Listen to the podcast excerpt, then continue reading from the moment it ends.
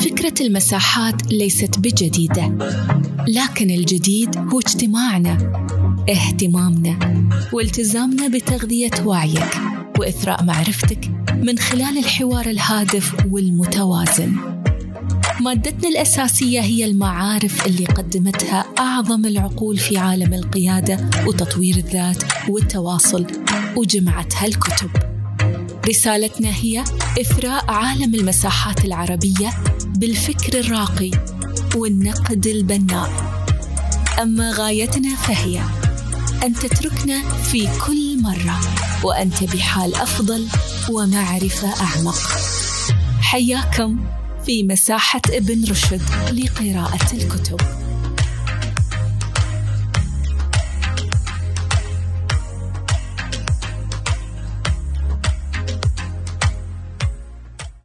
طيب نرحب فيكم مجددا في مساحة إبن رشد الأسبوعية في كل سبت الساعة الثامنة بتوقيت المملكة التاسعة بتوقيت بتوقيت الإمارات العربية المتحدة واللي تهتم دائما بمناقشة الكتب والمواضيع ذات القيادية والتواصل الفعال والإضافة المستمرة آه، في مختلف المجالات التي تهتم بالتنمية البشرية.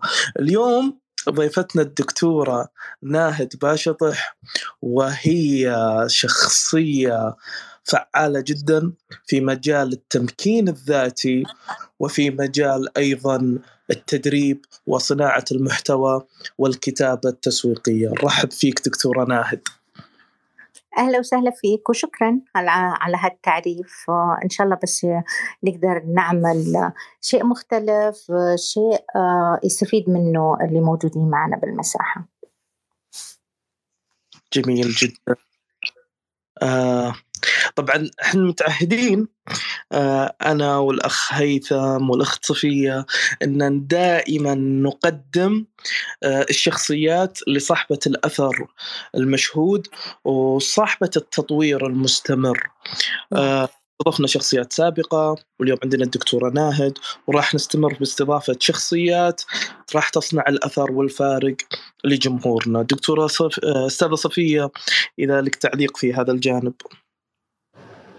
لا ابدا. آه، بس آه، يعني مشتاقين لنقاش لنقاشات مثل هاي دائما وموضوع آه، مختلف هذه المرة فعليا لأن نتحدث عن القيادية في المجالات الحيوية. كذلك نطرح أسئلة حول تطبيق الحوافز وال أو استخدام أسلوب العقاب. المحتوى وهذه أول مرة نتكلم في موضوع المحتوى وعلاقته بالقيادة وهل هناك أسس معينة لصناعة المحتوى الداعم أو اللي يعزز هذه القيمة عن آه، بحيث أنه يختلف عن الأنواع الأخرى من المحتوى. وأكيد بطبيعة الحال آه، في النصف الآخر من هذه الجلسة سنتيح المجال للمداخلات والأسئلة من الحضور. جميل جدا. طبعا رحب بالأستاذ عبد الوهاب اللي هو أيضا دائما ويانا في هذه المساحة. رحب أيضا بالأخت نادية والأخ محمد العتيبي. يا مسهلا ومرحبا فيكم أجمعين. راح نبدأ بسؤالنا الأول. دكتورة هل القيادية منهج قابل للتعلم أم فطرة تتطور؟ آه، الحقيقة هذا السؤال نقدر نقول أشبع بحثا. يعني سؤال آه، من سنوات طويلة والباحثين يبحثون عن إجابة لهذا السؤال. طبعا اختلفوا الباحثين. من وجهة نظري أنا ما أقدر أقول مئة بالمئة آه، فطري ولا مئة بالمئة مكتسب. لكن أقدر أتبنى وجهة نظر الباحثين اللي يقولون هو ميكس الاثنين مع بعض. يعني مش ممكن يكون عندك شخص قيادي يقدر يتخذ القرار ما لم تكون في جيناته صفة الشجاعة. فأنا أعتقد أنها القيادة جزء منها وراثي والجزء الآخر مكتسب لأنه لما ننظر إلى حياة القادة والمؤثرين نلاقي أنه للبيئة كان عامل ودور مهم في صنع حياتهم القيادية. سو أنا أميل إلى هذا الرأي أنها جينات وراثية وأيضا ما تترك بدون ما يكون في تدريب وتطوير لهذه الصفات الفطرية. يعني بصراحة سمعت اليوم كلام آه، تقريبا يعزز الفكرة اللي ذكرتيها الدكتورة أن لينكولن على سبيل المثال كانت عنده وحدة من الصفات اللي هي جدا بارزة فيه بشكل من من بداية حياته اللي هي التعاطف. كان شديد التعاطف وهي طبعا نعرف إحدى السمات الأساسية اليوم في القادة المؤثرين المميزين وهي ضمن الذكاء العاطفي والاجتماعي لهم كذلك. آه بس لفت يعني فكرة أن جينات كذلك تلعب دور. يعني ما بدخلت وايد في تعقيدات الأمور بس لفت انتباهي هذا الموضوع الجينات تلعب دور. طيب إذا إذا هذا الجين ما كان موجود يعني إنه ما عنده هذا جينيا الشجاعة أو التعاطف أو أو غيره من هذه السمات بمعنى راحت عليه ما نقدر نصنع قادة اذا يعني ما إيه يعني مثلا خلينا نقول آه، شخص ولد خواف مثلا أو يعني خجول. أنا أعتقد وطبعا يعني علماء النفس يأيدون كلامي إنه بإمكانك إنك تكتسبي أي مهارة. فها وكثير من القادة ترى على فكرة لما يستعرضوا حياتهم تلاقيه ممكن يقول لك أنا كنت جبان جدا وما أقدر أوقف على على مسرح عشان ألقي محاضرة وفيما بعد قدرت أكتسب هالمهارة.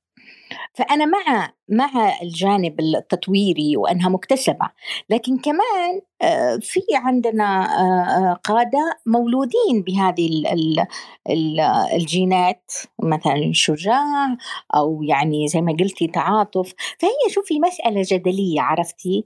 فعشان كذا أنا أقول الاثنين مع بعض ممكن يكونوا مؤثرين الوراثة والتدريب.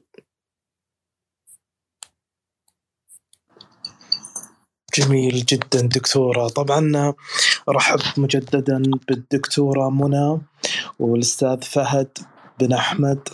آه، دائما يكون متواجدين معنا في المساحة. أيضا الدكتورة عبير. الدكتورة أصلا هي برضو آه، مهتمة بهذه المواضيع هي دائما مشاركة معنا في هذه المساحة. آه، طبعا حابب أذكر وألقي التركيز المساحة كلها على كتابين عند الدكتورة ناهد.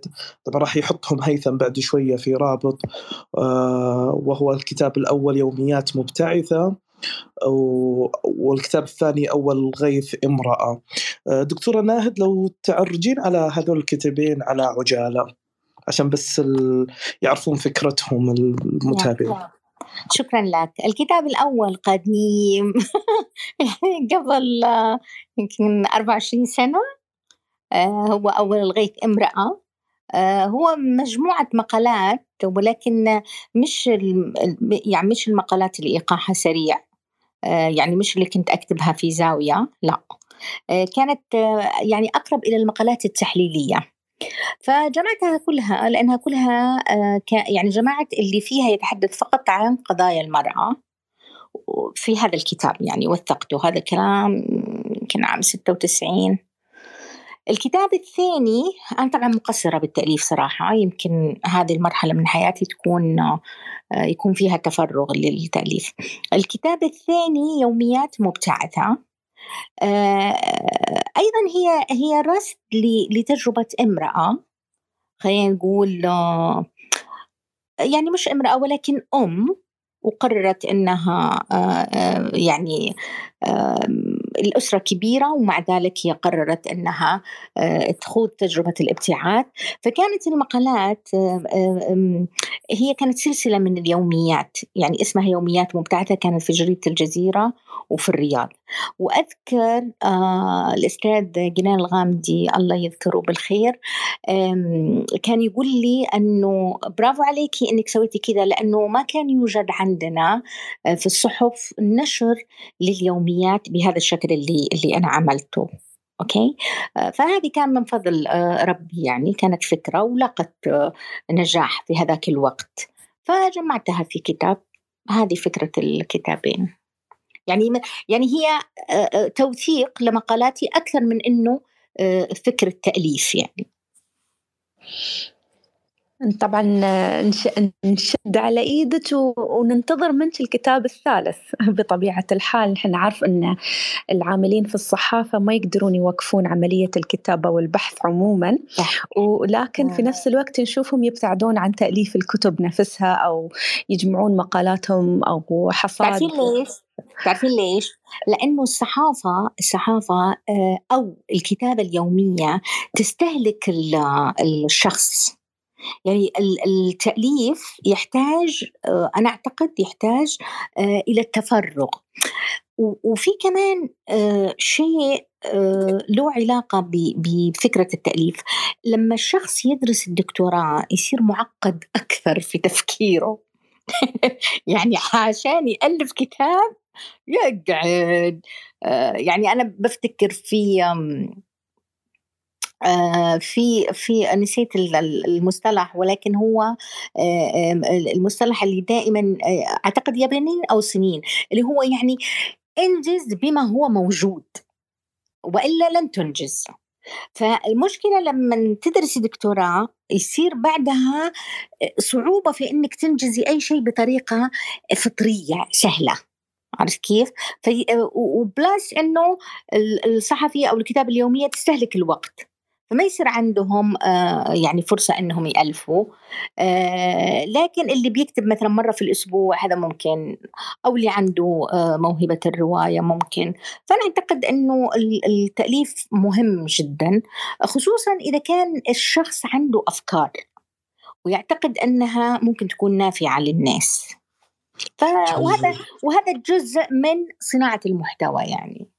حلو آه، قبل ندخل على صناعة المحتوى دكتورة طبعا إحنا منك أنت أيضا مؤسسي الصحافة الإلكترونية آه، أو أسستي نعم. بالأصح يعني آه، من أوائل من أسس صحيفة إلكترونية ومن أوائل من طرق نعم. باب التفاعل الإلكتروني وهذا لا شك نعم. يحتاج إلى حس قيادي كذلك واستشراف مستقبلي لما يحدث خصوصا في السياق الإعلامي والصحافة كيف نعم. اختبرت القيادية في عالم الصحافة الإلكترونية؟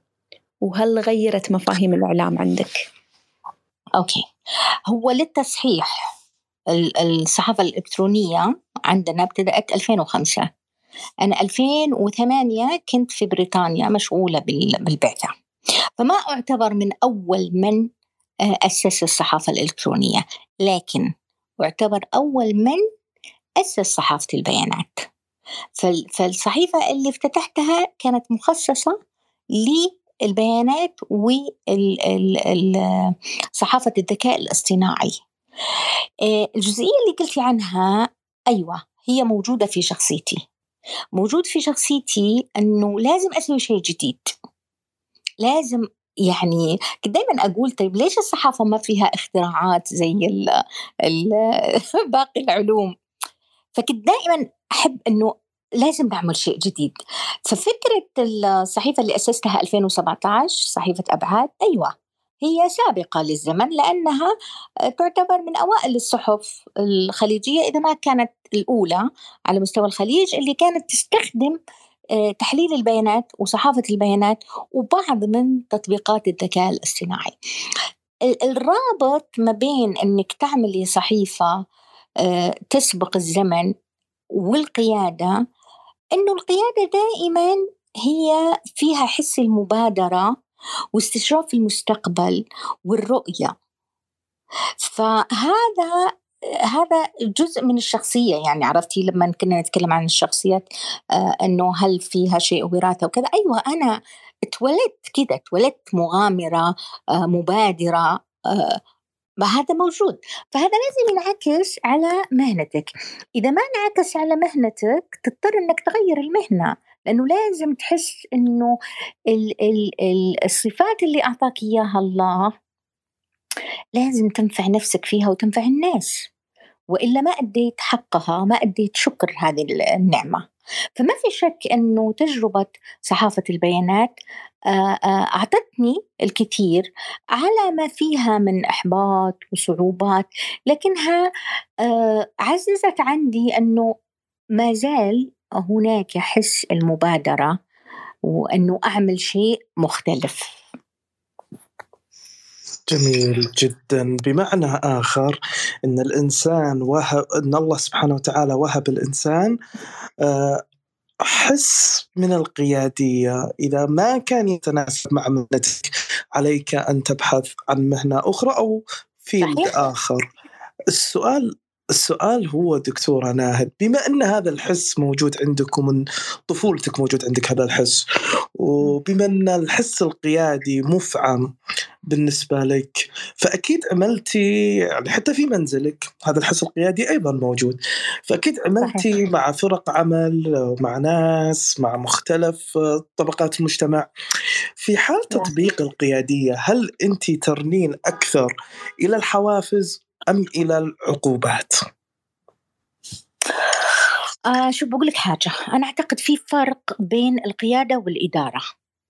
أنا ما بعتقد أني إدارية ناجحة.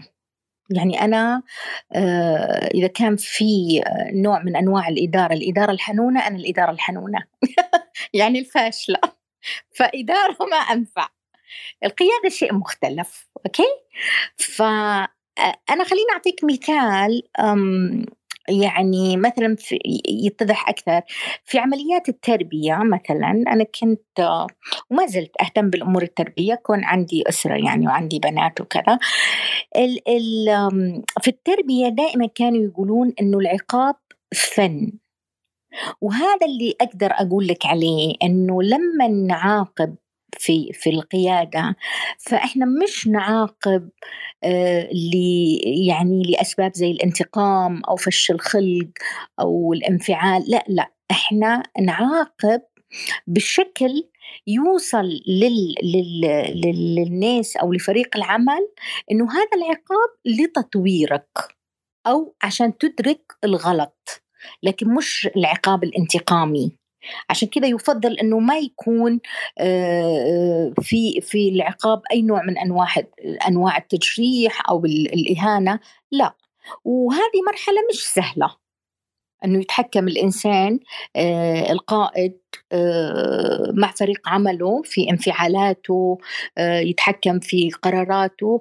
هذه تيجي أنا أعتقد مش بالدورات قدر ما إنها تجي بالتراكم الزمني. يعني كل ما كبر الإنسان ووعى أكثر نضج أكثر. هذا ما يمنع إنه ممكن يكون في قيادي شخص قيادي بالعشرين. بس كمان ال ال ال هذا القيادي اللي بالعشرين وعمره أربعين سنة حيكون عنده من النضج آه، آه، القدر الكافي أنه يمارس قيادته بشكل أسهل آه، دكتورة هل اختلفت ولا أنت ذكرتي موضوع الإحباطات اللي اللي مررتي فيها في تجربتك كذلك آه، هل اختلفت الإحباطات اللي نمر فيها الآن أو يمر فيها القادة هذا الزمن عن إحباطات ذلك الوقت قبل عشر سنين أو أكثر هناك تحديات تشوفينها طرأت وما كانت موجودة قبل؟ نعم إحنا آه، من دخلنا آه، الثورة الصناعية الرابعة آه، والتكنولوجيا غزت حياتنا تغيرت حياتنا. بالأخص فيما يتعلق بالصحافة مهنة الصحافة تغيرت 360 درجة. هذه ما فيها كلام. ويجب على الصحفيين إنهم يعترفوا إننا إحنا ستريجل يعني في مرحلة مرة صعبة. يعني الصحفي الآن أدواته ما عادت هي نفس الأدوات القديمة. واحد من اثنين يا يتعلم الأدوات الجديدة أو يبحث عن مهنة أخرى. الميزة في دخول التكنولوجيا أنه يعني حكاية الصحافة الآن تداخلت أكثر مع صناعة المحتوى في فيصير نفس الصحفي يحاول يكتشف ذاته. هل هل هو ما زال آه، صحفي؟ أنا أعتقد أنه في صحافة الخليج نظرا لأنه ما عندنا الصحافة الاستقصائية فالصحافي آه، أنا أعتقد أنه مسكين. يعني في حالة يرثى لها. لأنه كيف يقدر يشتغل الآن؟ الأدوات تغيرت والأدوات الجديدة التكنولوجية يعني الصحافة الرقمية تميل أكثر إلى البحث والاستقصاء. وبما إنه إحنا كصحافة خليج ما عندنا هذا النوع من الصحافة فأنا أعتقد هذا اللي يخلينا نقول الآن وين صحافة الخليج من الصحافة العربية؟ هل عندنا صحفيين بارزين؟ آه أنا أتكلم عن جيلي. من جيلي أنا ما أشوف أحد على الساحة وأنا واحدة منهم. لأنه الوضع تغير وبحاجة كأننا بحاجة إلى ريستارت يعني بحاجة إلى أنه نعيد من جديد كل ما يتعلق بالصحافة عشان نقدر نواكب يعني أنا بالنسبة لي بعتبر أنه اكتشافي لصحافة البيانات هو سبب إحباطي. لأنه لما أنت مثلا تسافرين تروحين القمر تروحين بصاروخ بعدين ترجعين من القمر تلاقي ما عندك أدوات إلا مثلا الإبل. كيف حيكون كيف حيكون مشاعرك؟ كيف حيكون انفعالاتك؟ كيف حيكون سلوكياتك؟ فأنت الحين يعني جربتي شيء متطور جدا ومش قادرة تطبقينه. نظرا لعوامل كثيرة من من أهمها أنه آه، مش مهتمين إحنا بتدريب الصحفيين فلذلك ما ما موجود كوادر. طب إذا مش موجود كوادر كيف ممكن تشتغلي في أي مهنة؟ ف أنا أعتقد أن التكنولوجيا جت وأكيد يعني غيرتنا وأربكتنا بس أنا دايما معاها لأنه لا يصح إلا صحيح والتكنولوجيا هي صح. لأنه هي بتسهل علينا أشياء كثير بصرف النظر عن المشاكل اللي تسويها مواقع التواصل الاجتماعي وخلخلتها لبعض القيم إلا أن التكنولوجيا اللي يستخدمونها بشكل صحيح أكيد أنها طورت العمل ما في شك. بصراحة أنا أشكرك على هذه الإجابة دكتورة ناهد وأشكر أيضا الأستاذ على هذا السؤال. إيه الشفافية لاحظت؟ بكل أمانة مثل هذا الطرح حد نحتاج نسمعه. آه، من ناس لهم خبرتهم. آه، تحدثتي عن الصحافة وتحدثتي عن التحديات اللي آه، تواجهنا اليوم. ولكن أيضا أنت دكتورة مهتمة بصناعة المحتوى. وش هي أساس صناعة المحتوى المناسب والمناسب لعصرنا هذا. شوف في مصطلح حلو وله علاقة بالقيادة. أوكي؟ المصطلح هو thought leadership. كويس؟ هذا المصطلح له علاقة آه، بالمحتوى. ويبدو لي يعني أنه هو يعني خلينا نقول أنه نوع من المحتوى القيادي. ولما أقول محتوى قيادي أو فكر قيادي فأنا لازم أروح للناحية الاقتصادية وأكيد حيكون له علاقة بأنه يكون آه يعني محتوى تسويقي ممكن آه يتعامل مع العلامة التجارية. طبعا الثوت ليدرشيب له أنواع كثيرة. ويستعمل كثير في في خلينا نقول المؤسسات والشركات. يمكن أقرب للمحتوى التسويقي لكنه أنا أعتقد إنه شيء جديد وحلو. آه، لأنه أنا ما أقدر أقول صناعة محتوى من غير ما أقول صناعة محتوى تسويقي. آه، لأنه صناعة يعني خليني أفرق لك مثلا أنا كنت أكتب آه، عمود. آه يعني فترة طويلة يمكن 25 سنة أو شيء زي كذا الآن هل العمود مؤثر؟ ما أعتقد أنه مؤثر لأنه آه, آه، المحتوى صناع المحتوى صاروا كثار وصار الصورة تغلب النص الفيديو كمحتوى أسرع في الانتشار فعندي واحد من اثنين إما أن أكون محتوى مؤثر يعني أشوف احتياجات الجمهور وإما أن أطرق مجال المحتوى التسويقي. يعني الحين مثلا في في مهن ما كانت موجودة من أول. يعني آه، ال copywriter ما كان موجود من أول اللي هي الكاتب التسويقي أو ال copywriting الكتابة التسويقية. مش موجودة زمان. لكن الحين لما تحط مثلا copywriting مثلا نقول company وتحط مثلا in UK حتشوف مئات المكاتب. والمشاريع. وبرضه عندنا في في في السعودية أو في الدول العربية. فأنا أعتقد إنه هذا المحتوى اللي هو ممكن لأنه محتوى يجيب فلوس بالأخير. فما في شك إنه المؤسسات بحاجة إلى هذا النوع من المحتوى يعني.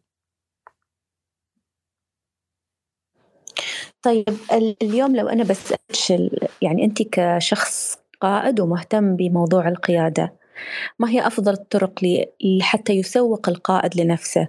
وهل بالضرورة هذا الأمر آه، يرتبط بس بمنصات التواصل الاجتماعي و ولا في أيضا جوانب أخرى يجب أن يعتني بها القائد عندما يقدم نفسه كقائد فكر آه، أو كصاحب رسالة يعني في النهاية في مجاله القيادة بصراحة إحنا لازم نعترف بأنه مواقع التواصل الاجتماعي هي القناة التسويقية. يعني ما نقدر يعني كأنه واقع ما نقدر ننكره. مهما اشتغلتي وانت ما سوقتي مهما كنت قائدة عظيمة وانت ما سوقتي لنفسك من خلال مواقع التواصل الاجتماعي ما حد حيعرف عنك. يعني زمان كنا إحنا نسوق لنفسنا عن طريق إيش؟ مثلا عن طريق الصحف. والتلفزيون والإذاعة. طيب الحين جلي أسرع منهم، جلي يكتسح كل حاجة. فما في شك إنه إنه آه، إذا ما سوق لنفسه القائد ما ما ما حيكون مؤثر في الجمهور. يعني يعني خلينا نقول آه، هو عنده فريق عمل وهو قائد فهو تأثيره على فريق العمل طيب ولكن لو حاب أنه يكون مؤثر في الناس فهنا لازم يلجأ لتسويق ذاته. حتى يعرفون الناس إيش عنده من إمكانيات. يعني قبل يومين أنا شفت كنت أتابع فيديوهات ل... لبنانية تخصصها علم نفس. فقعدت أسوي سيرش عنها عجبتني صراحة. عندها كاريزما وتتكلم عن الأمور فيما يتعلق بقضايا الناس والمجتمع وكذا لكن دائما تذكر أبحاث ودراسات وهذا اللي شدني لأني أنا أحب الأبحاث والدراسات. فشدني أسلوبها. فلما بحثت عن قصتها لقيت إنها هي كانت تدرس وتركت التدريس إلى التيك توك. وقالت هذا الكلام قالت أنا كنت أدرس وقلت لواحد influencer إنه كيف ممكن أصل الجمهور؟ قال ما عندك غير التيك توك. وفعلا حققت نجاح بالتيك توك. فهذا اللي أقصد بأنه أنت هذه القنوات عندك فلازم تستعمليها يعني. صح وفي شخصية أصلا سياسية أمريكية أعتقد. اليوم قريت عند الأخ طلال سالم كان منزل خبر أن بعد ما تقاعد آه، على طول انطلق بالتيك توك. وبدأ ينزل محتوى هناك في التيك توك. هذا هو. بعدين بس أنا بس أنا اقصد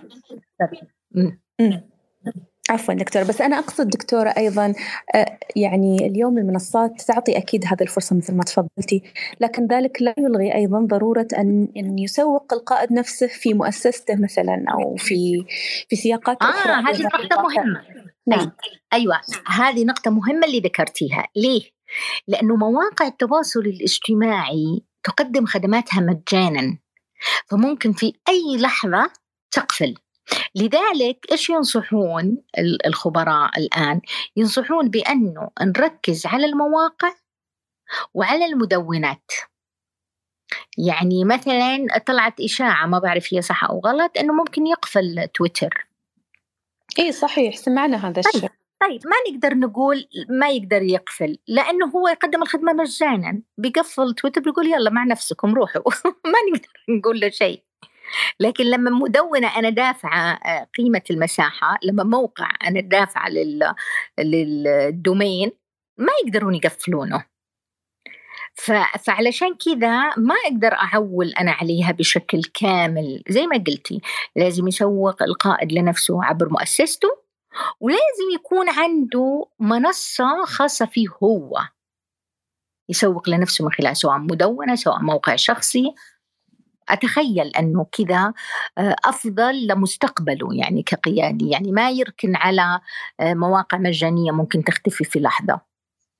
جميل جدا. أنا قاعد أفكر الآن مساحتنا المفروض يا صفية تكون على التيك توك مش هنا أنا انصح أنا من زمان لك بقول لكم حاجة؟ افتحوا افتحوا بيت. بقول لكم حاجة. تصدقون إنه آه، إنه الناس في التيك توك أفضل مننا. إحنا الصحفيين.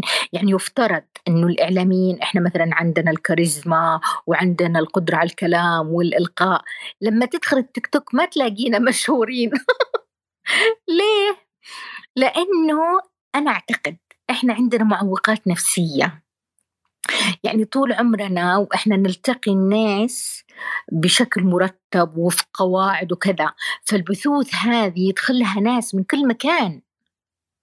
فأنت إذا يعني هنا أعتقد مسألة إيجو يعني مسألة التمركز حول الذات هل حتقبل إنك تكون في مواجهة أي جمهور؟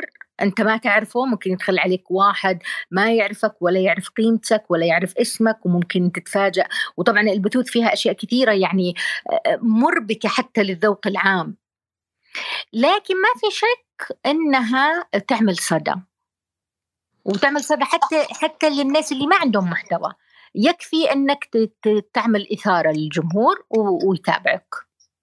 صح وهذه شغلة جدا مهمة. أذكر في أحد المساحات صفية ناقشنا أن أنت إيش أثرك؟ لو تخيل ال social media قفلت كلها الإنترنت مم. لغي لأي سبب مم. من الأسباب. يا رب من بقك لبس لا لا لا تدعي لا تدعي. خصوصا الواتساب خصوصا الواتساب. أنا نفسي والله نفسي أقوم يوم ألاقيه مو موجود. دكتور إذا قفل ال social media أنا من وين ألاقي هيثم أنا؟ بنخترع أشياء ثانية يمكن أشياء ثانية أحسن.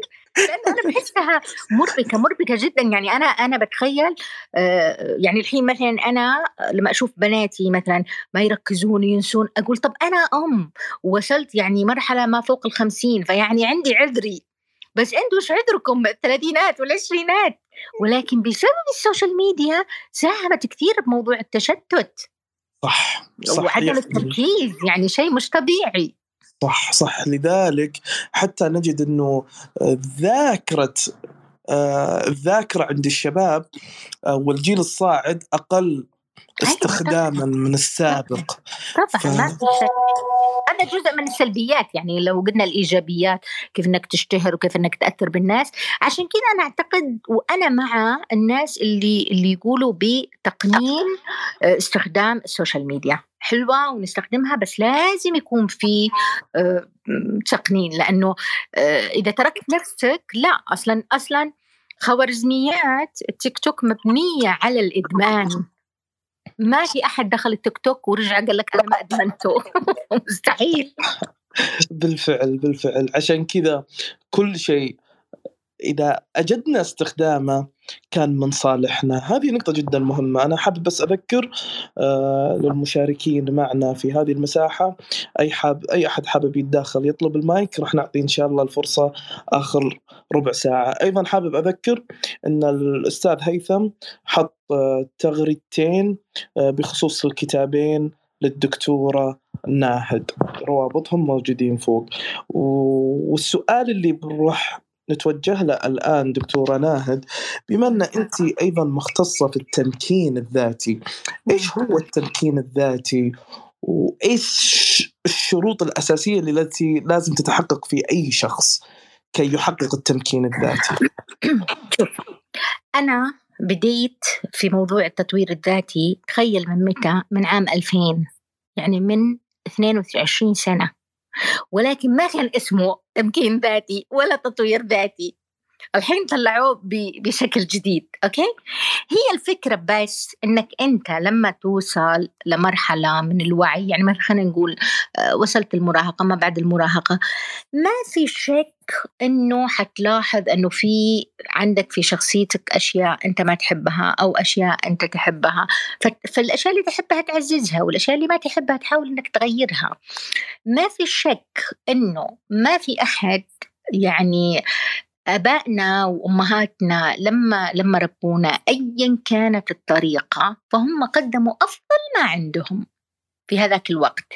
ولكن ولكن ممكن يكون في أشياء مش مناسبة لوقتنا ممكن يعني في ناس مثلا أولاد تعرضوا لليتم أولاد تعرضوا للعنف خلينا نقول أولاد تعرضوا لتجربة الانفصال. يعني ما في ما في إنسان خالي من مشاكل في شخصيته بسبب الأسرة. واللي أرجع وأقول إنها ما تعمدت الأسرة إنه إنه إنه تعطي له هذه ال هذه ال الخاصية. فالتمكين الذاتي كيف أنا أكون مؤمنة بنفسي. طبعا أنا مشيت طريق طويل في في موضوع التطوير الذاتي والدورات والكورسات وكذا لكن بصراحة أنا أعتقد أنه الخطوة الأولى الآن أنا أقولها بعد سنوات طويلة أعتقد أنه الخطوة الأولى هو أنه يبتدي الإنسان مع نفسه. يعني يركز على نفسه أكثر من تركيزه على الآخرين.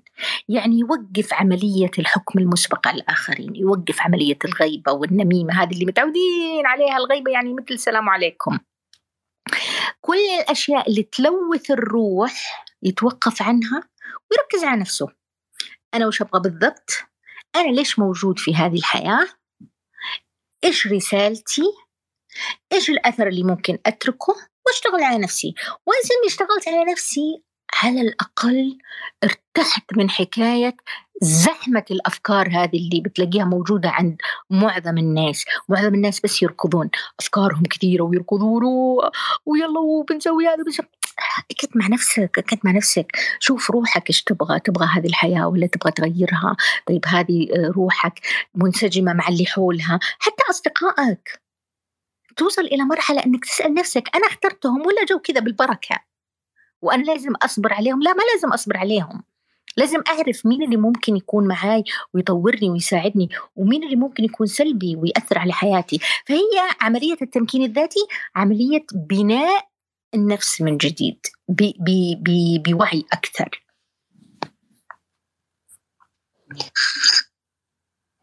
طيب دكتورة من خبرتك ومن خلال خوضك لهذه الرحلة رحلة التمكين الذاتي والتطوير الذاتي اليوم كامرأة قيادية ما هي التحديات اللي اللي ممكن تواجهك؟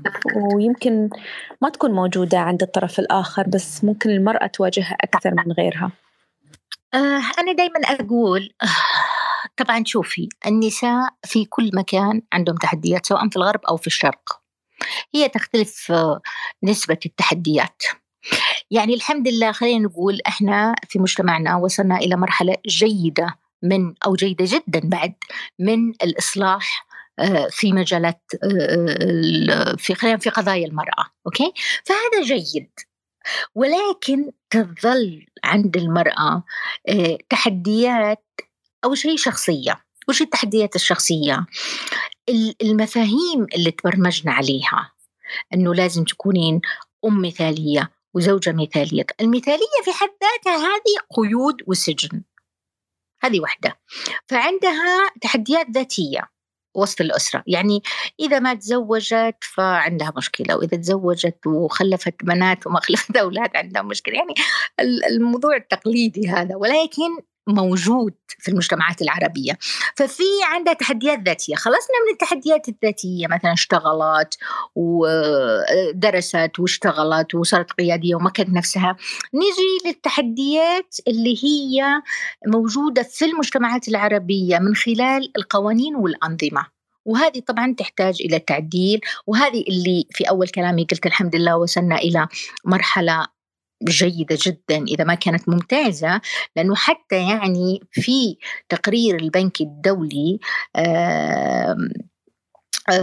هو يصدر تقريره كل سنتين فعام فآخر تقرير له كنا وصلنا يعني إحنا قفزنا في الخمس سنوات في مجال المرأة آه، في في ريادة الأعمال والقانون وهذا التقرير آه، يعني من أهم التقارير الصادرة وتقرير عالمي يعني هو مثل خلينا نقول يعني يغطي كل دول العالم. ففي الدول العربية وشمال أفريقيا يعني مالطا رقم واحد والإمارات رقم اثنين والسعودية رقم ثلاثة. والسعودية أنا أعتقد في التقرير القادم حت حتتفوق على الإمارات لأن هم عندهم معايير معينة حسب الأنظمة. فواحد من الأنظمة إحنا كنا متأخرين فيها لأنه كانت كان في اختلاف على إجازة الأمومة وما أعرف إيش وكذا. فإحنا والإمارات آه، آه، آه، نمشي بشكل جيد فيما يتعلق بالإصلاحات تجاه المرأة بعكس بعض دول الخليج. دكتورة ناهد أنت تتحدثين وأنا أعرف أنك خلف هذا حديثك لسه حديث آخر. تبقت من المساحة ربع ساعة والله أنا متأكد لو نمدها ثلاث ساعات ما راح تشبعين فضولنا بكل أمانة. إيه. آه لكن عشان تبقت فقط 15 دقيقة آه باقي لنا سؤال واحد ولكن راح نخليه إلى الأخير. إذا تبقى إيه وقت يا يا ليت نترك فرصة للناس. إذا ما عندهم بالضبط. لا ارجع اسأل سؤالك عادي. بالضبط بالضبط. ناخذ مداخلة الأستاذ عبد الوهاب وهو صاحب آه هو باحث في القيادة والتحفيز وأيضا صانع محتوى. ودائما بكل أمانة مداخلاته تكون معروف مثرية. معروف الاستاذ عبد الوهاب. تفضل أستاذنا. أسعد الله مساكم أستاذ محمد أستاذة صفية أستاذ هيثم. شكرا لهذه المساحة المتجددة. آه، وشكرا لضيفتكم الكريمة الدكتور ناهد يعني التي حقيقة جمعت بين الخبرة والمعرفة وأسعدتنا جدا بعفويتها ومباشرتها. آه، أنا أريد فقط أن يعني أتحدث يعني بدءا من الصحافة، أنا أريد أن أقول الظاهرة التي يعني أصبحت مقلقة ربما أو آه، يعني لا شك بها. هو آه، تلاشي الخط الفاصل بين ما ينشر في الصحافة وما ينشر في وسائل التواصل الاجتماعي. لم نعد نستطيع نعرف هل هذا عمل صحفي أو هذا منشور اجتماعي. لذلك دخلوا في صناعة المحتوى أناس لم يكن لهم باع من قبل.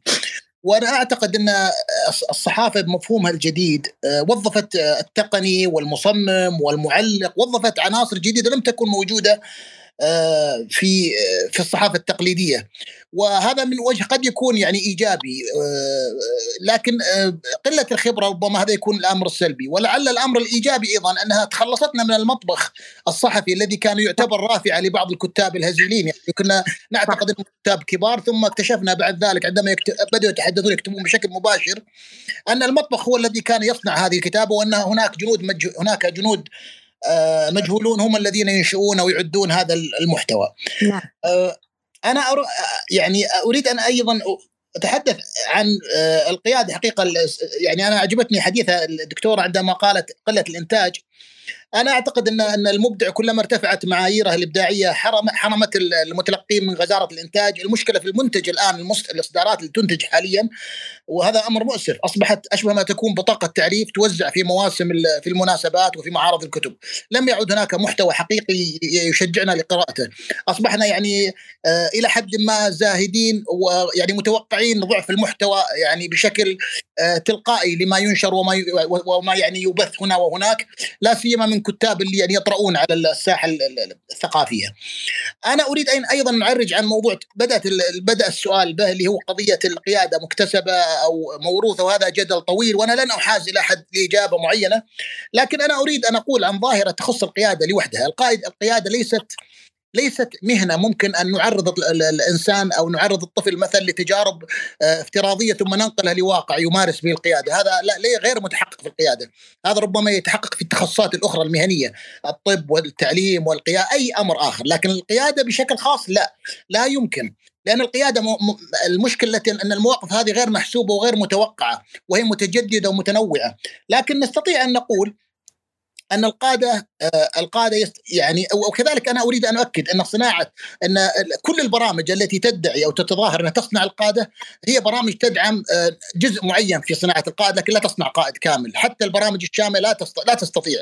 لأن القيادة حقيقة تصنعها تصنعها الحياة ويصنعها آه، قبول هذه التحديات في الحياة وعراكها، لذلك نحن عندما نقرأ سير سير القادة نقرأها بشكل عكسي، يعني نقرأ السيرة ثم نبحث عن طفولته كيف عاشها وكيف كيف واجه صعوبات وأين تعلم؟ وهكذا.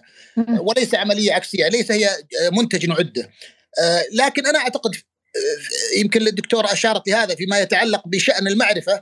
أنا أعتقد أن القادة آه، لذلك لأن لأن موضوع القيادة متشعب فأعتقد الذي يريد أن يؤهل نفسه للقيادة أو فهم القيادة لابد أن يقرأ في علم النفس وفي التربية وفي الإدارة وفي علم الاجتماع والتاريخ والسير الذاتية. هذا إضافة إلى قراءته في تخصصه الذي يعني هو يعني بارع به. شكرا للأستاذ ناهد شكرا لكم.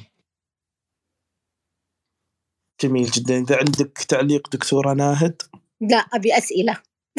جميل جميل جدا. آه، نشكر الاستاذ عبد الوهاب على هذه المداخلة. نأخذ آه، الأستاذ فهد أيضا هو صاحب آه، مداخلات جدا جيدة. أستاذ فهد تفضل. السلام عليكم وسهلا الله أوقاتكم. والله حيك أخوي محمد أستاذ صفية أستاذ هيثم دكتور عبير الجميع كلهم باسم ورسمه الله يحييكم وصراحة أنا أحس نفسي محظوظ إن هذه ثالث مساحة أدخلها بعد أسبوع. آه، ومساحة يعني تتكلم عن المجال اللي أنا صراحة قاعد أبحث فيه. ومحتاج صراحة فيها استشارة الدكتورة ناهد آه، من حيث آه، القيادة في كيفية اختيار المحتوى تحديدا. لأن تكلمت الدكتورة ناهد عن جزئية أنا الحين قاعد داخل فيها.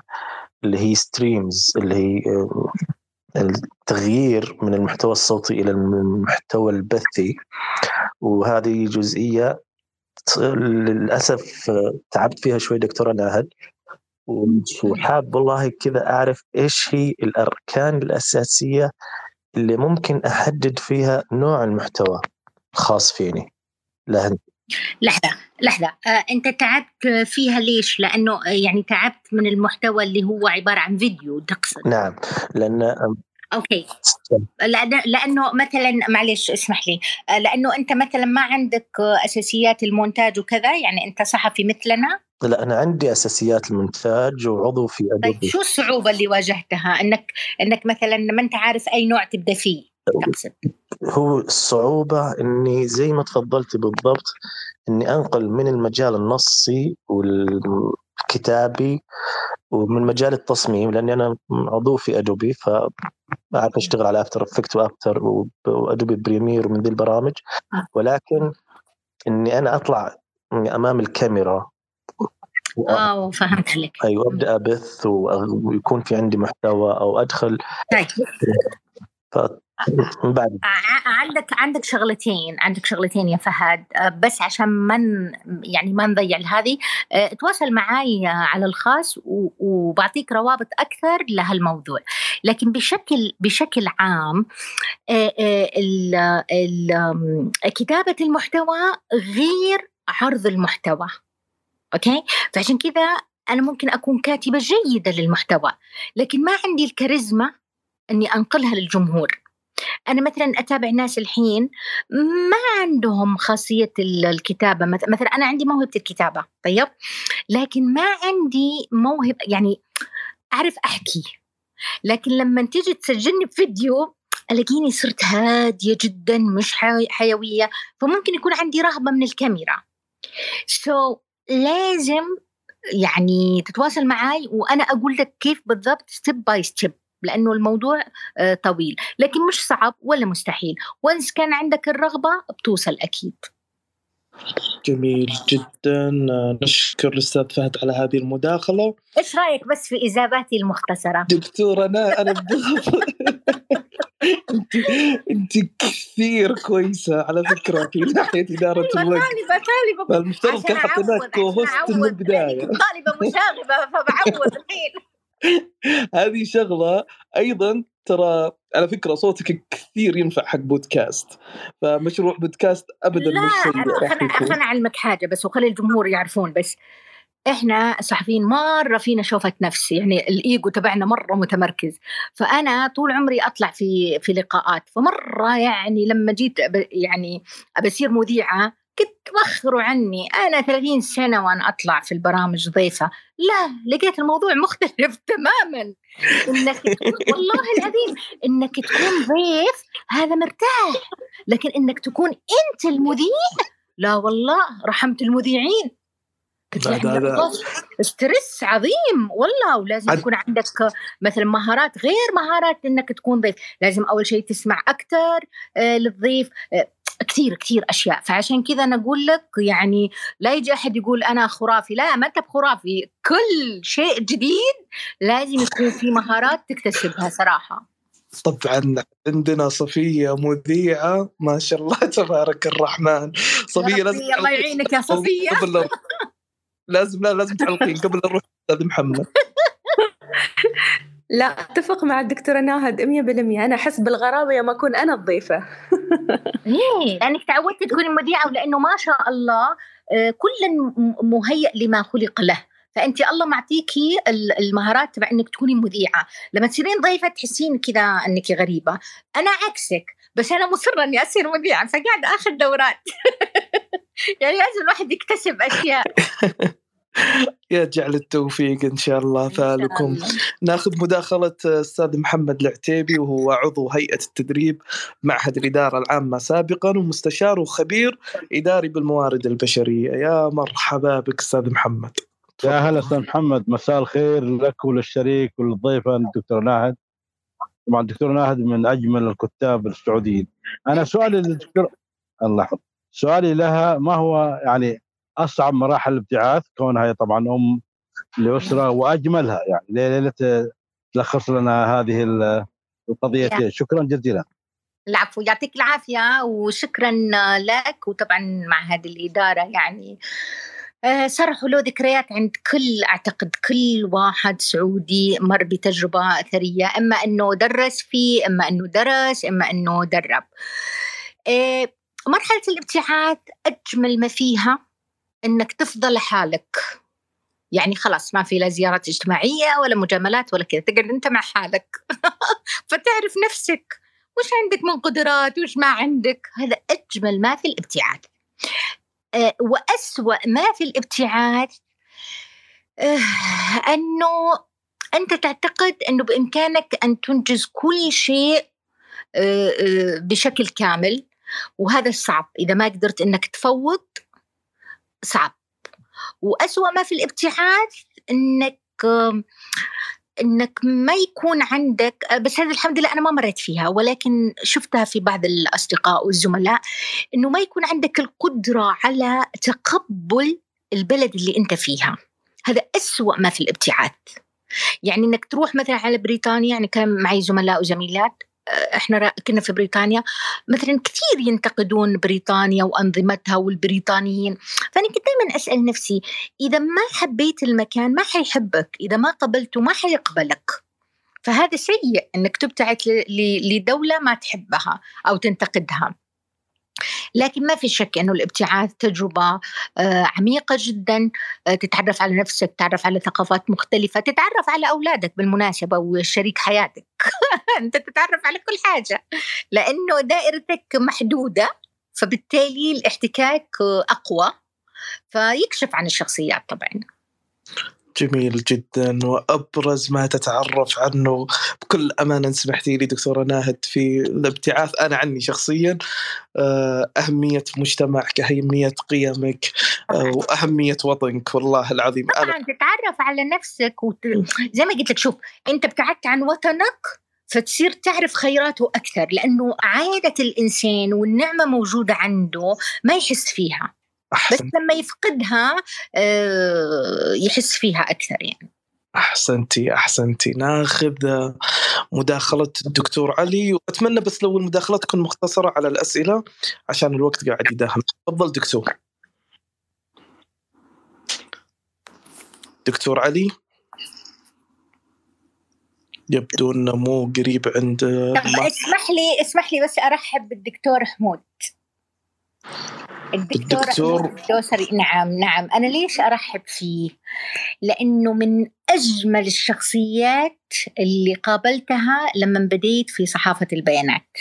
أنا أشكره جدا رغم أني ابتعدت الآن عن الموضوع لكن ما زلت أحتفظ في ذاكرتي آه، لمواقف ساعدني فيها كثير دامك دامك رحبتي فيه يستاهل متابعة وهذا الحين يستاهل متابعة هلا شوف يمكن في أحد ثاني بعد أبغى أشكره. نرحب بالجميع بالدكتور حمود وبالأستاذ مطلق وبكل من انضم إلينا الأستاذ عبد الكريم الأستاذ سامي الجميع والله يكفي أنهم موجودين ويسمعونا.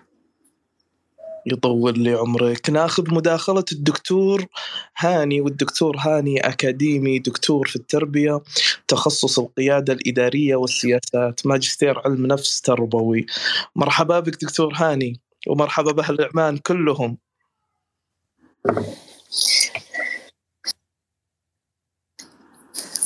آه، مرحبا مرحبا أستاذ محمد. كيف الحال؟ كيف صحتكم؟ طيبين إن شاء الله. خير يطول لي عمرك. تفضل إذا عندك مداخلة.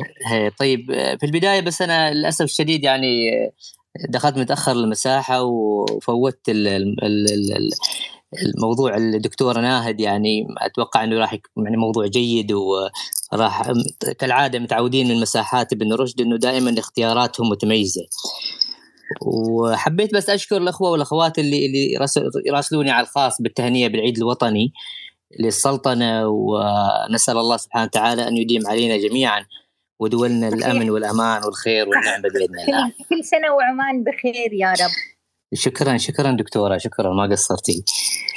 آه بس عندي مداخلة بسيطة بخصوص الأستاذ فهد طرح قضية يمكن لحقت عليها أنا في اخر آخر تعليق معاه. يتكلم عن موضوع التحول من من ال- من كاتب محتوى لمتحدث. آه الكل الحين يعني ما شاء الله يعني عندنا متميزين كتاب محتوى ويعني مؤلفين وصحفيين وغيره لكن عمليه ترى التحول هذه مش سهلة. أنا أنا أشوفها من أصعب العمليات اللي اللي ممكن يعني تواجه الشخص لأنه فت يعني عاش فترة طويلة يمكن يكون 10 سنوات 15 سنة كاتب ويكتب وعنده مهارات كثيرة في اله- في هذا المجال لكن لأنه العالم تغير الآن اصبح ال social media يعني هو السائد طبعا ما كان متوقع إنه إنه في يوم من الأيام راح راح نحصل هذا هذه البدائل وهذه الخيارات مثل ما موجود معنا الآن مساحات على كل مجتمع صحيح. في نفس المكان في نفس ال ال ال ال يعني المحتوى وممكن إنك تقدم محتويات بشكل مسموع. يعني في في العاب في السابق كان عندنا الكتابات هي الطاغيه وتحول تحول تحولنا لأكثر مستوى. والآن مستوى المقروء عفوا المسموع والمرئي. فالتحول مش سهل. أنا أنا أنا يعني من الأشخاص اللي اللي ما أخفيكم إني إني أحاول أنتقل لهذه المرحلة. لكن أحس إنه ما أعرف يعني الكتابة يمكن أسهل يمكن ال- ال- المحاضرات يعني أسهل لكنه الظهور الإعلامي هذا يتطلب مهارات خاصة. طبعا طبعا مش ما- أقول إنه الموضوع صعب لكنه يحتاج خطة والخطة هذه طويلة الأمد يعني. ما ممكن اليوم من اليوم أنا ما ما, أظهر في المساحات ومن بكرة أكون أف من أشهر الموجودين لا. فيتطلب إنه إنه إنه يعني نشتغل على أنفسنا ونحاول نقدر الإمكان إنه نظهر بطريقة أو بأخرى فيه. فما أعرف يعني أعتقد دكتورة ناهد تتفقي معي في هذا الموضوع. آه، شوف أنا أتفق معك إلى حد ما. آه، أكيد إنه يعني أنا تكلمت قبل ما تدخل وقلت إنه عندنا مشكلة إحنا كصحفيين إنه نتحول إلى مثلا موضوع البث المباشر. يعني في ناس مش صحفيين مش إعلاميين مش كتاب محتوى نجحوا. فعندنا مشكلتين. و- واحد مشكلة إحنا كأكاديميين شلون نفكر؟ هذه شوي. ف والمشكلة الثانية إنه زي ما تفضلت آه، العالم الآن تغير. لكن أنا أعتقد إذا كانت الرغبة موجودة نحتاج فقط بعض الوقت وبعض التدريب. وبيمشي الحال إن شاء الله. ونتحول إلى ال- المحتوى المرئي والمسموع. كلام جميل. س- سليم دكتورة بس تعقيب بسيط أستاذ محمد أعتقد إنه المشاكل الأكاديميين والأشخاص اللي اللي يعني مرتبطين بالبحوث والدراسات إنهم دائما قليلي يخافوا من الكلام يعني أنت لما. تتكلم الشخص الع... يعني ال- ال- الغ- الغير يعني ما أعرف يعني اللي اللي ما تدرج في ال- في السلم الأكاديمي والعلمي ربما يكون من السهولة عليه إنه يقول أي شيء وب- بكل أريحية و... لكن لكن لما تدخل أنت في المنهجية العلمية للبحوث الدراسات وغيرها تشعر يعني إنه الكلمة مسؤولية يعني أي شيء تقوله تحسب له هل فعلا الكلام هذا صحيح هل الكلام هذا. فيه شيء يأيده فهني. شوية جزئية هذه يعني ممكن تأثر عليه. شكرا لكم دكتورة وشكرا أيضا للمساحة وللأستاذة صفية والأخوة أستاذ هيثم أستاذ محمد والأخوة كلهم يعني على على ال- هذه الإبداعات الجميلة. شكرا. شكرا.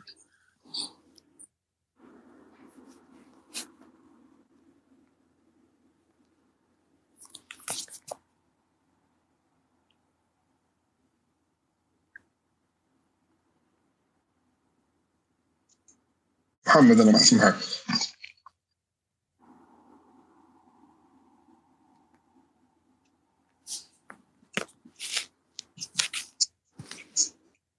شكل محمد عنده مشكلة في ال إيه شكل محمد عنده مشكلة لأنه ما قاعد نسمع صوته. صفية نفس الشيء عندها مشكلة. يا سلام الحين المديرين الحوار عندهم مشكلة وأنا وياك. والله ال- ال- الاثنين عندهم مشكلة وأنا ما وأنا ما عندي كو هوست كمان. خلي لحظة هل أنا عندي الخاصية إذا أحد يبغى يحكي أعطي له الميكروفون ولا ما عندي الخاصية؟ ما عندي أنا أنا نفسي ما عندي الخاصيه لأن أنا برضه ما كوهست يعني لكن هل هل هل معناه خلاص إحنا معلقين في المساحة؟ يعني ما نقدر ندخل أو نطلع و... و... والله إحنا معلقين وبعدين ما, ما أعرف المساحة حتواصل ولا التكنولوجيا عشان تعرفون التكنولوجيا مش دائما صح. لكن ممكن ناخذ في دكتور ناخذ دكتور علي. ن- ناخذ دكتور علي. صفيه كان عندها مشكلة وعاوزة ترجع طبعا ما حتقدر ترجع لأنه ال... ال... الهوست ما موجود. إيه علينا. طيب يلا توكل على الله. في. سؤال ولا. خلاص نقفل؟ نا- ناخذ ناخذ الدكتور علي. وين ننو. دكتور علي؟ يلا. تفضل يا دكتور. ما يكون برضه هو برضه ما قادر يسمعنا. امم صح. طيب إحنا نقول أي أحد يقدر آه، يحكي يحكي. المساحة مفتوحة. أعتقد محمد رجع. تسمعني يا محمد؟ أيوه أيوه أسمعكم معليش بس هذا هذا هذا اللي تقوله دكتور ناهد قبل شوي قفل السوشيال ميديا. معي طيب شوف مين عنده سؤال ولا مداخلة؟ أنا بس عندي مداخلة سريعة. عاوز أقول لدكتور هاني مبارك مبارك عيدكم الوطني وأنا زرت بلدكم يومين وبلد جميلة جدا جدا جدا وعجبتني خالص أيوة. وناس جميلين والله. صحيح. شكرا أستاذ هيثم شكرا. للأس... يعني صراحة يعني زعلتنا إذا جيت عمان وما بلغتنا على الأقل يعني نشوفك نسلم عليك نكسبك معانا يعني. المره المرة الجاية إن شاء الله أكيد إن شاء الله. نتشرف نتشرف آه، أستاذ هيثم شكرا جزيلا. طيب الآن كيف في أحد عنده سؤال؟ جميل جدا. طيب باقي بس سؤال واحد دكتورة. تسمح يسمح لك وقتك؟ نسأله؟ أنا ما أنا ما عندي مشكلة بس يمكن الناس عندهم أسئلة هم ابدا مني. أنا عندي سؤال إلى الآن ما في. طبعا في ناس طالبين مايكات بس يعذروني. الأسماء اللي مش معرفة أو الحسابات مش واضحة آه صعب والله. ما راح أقدر أقبلها يعني هذا مع إنهم يسوون اكشن يا محمد. دخل واحد يمكن يسوي اكشن ودك؟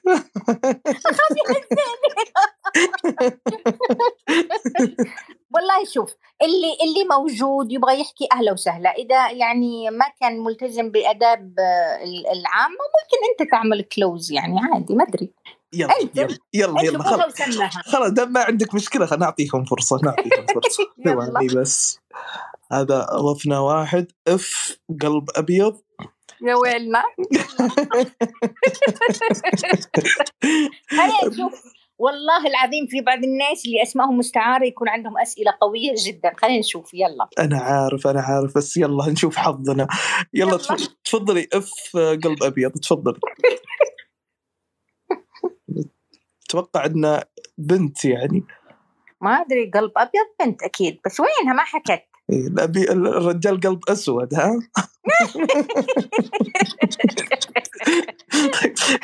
هي- فاتحة والله ولا أسود. ولا أبيض ما حكت. ما حكى. خلاص طيب طيب. إذا إذا آه. للحين ما حد حكى ممكن نحن عندنا سؤال دكتورة أكيد تحت امرك آه، تسلمين ما يامر عليك عدو ولا ظالم آه، بما أن حضرتك يعني كذلك يعني مهتمة بالبيانات مهتمة بال- بالرقمنة بالمحتوى بكل هذه الأمور ونحن موضوع القيادية نعم. هل ممكن نشوف وجه جديد للقيادة في المستقبل القريب أعتقد إيه. آه، إيه، شكل أعتقد إيه.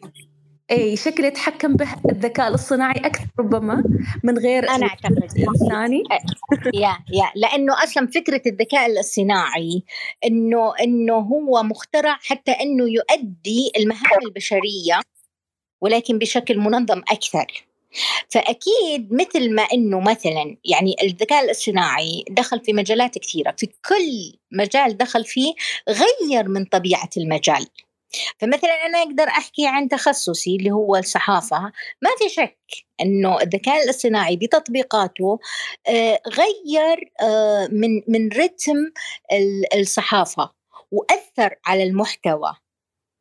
آه، عن عن تجربتي ممكن يكون تأثيره سلبي فيما يتعلق بتشكيل الرأي العام وممكن يكون تأثيره إيجابي فيما يتعلق مثلا القدرة على الاستطلاعات آه، تحليل البيانات آه، البحث بطريقة أسرع بالنسبة آه، للصحفيين. ففي أكيد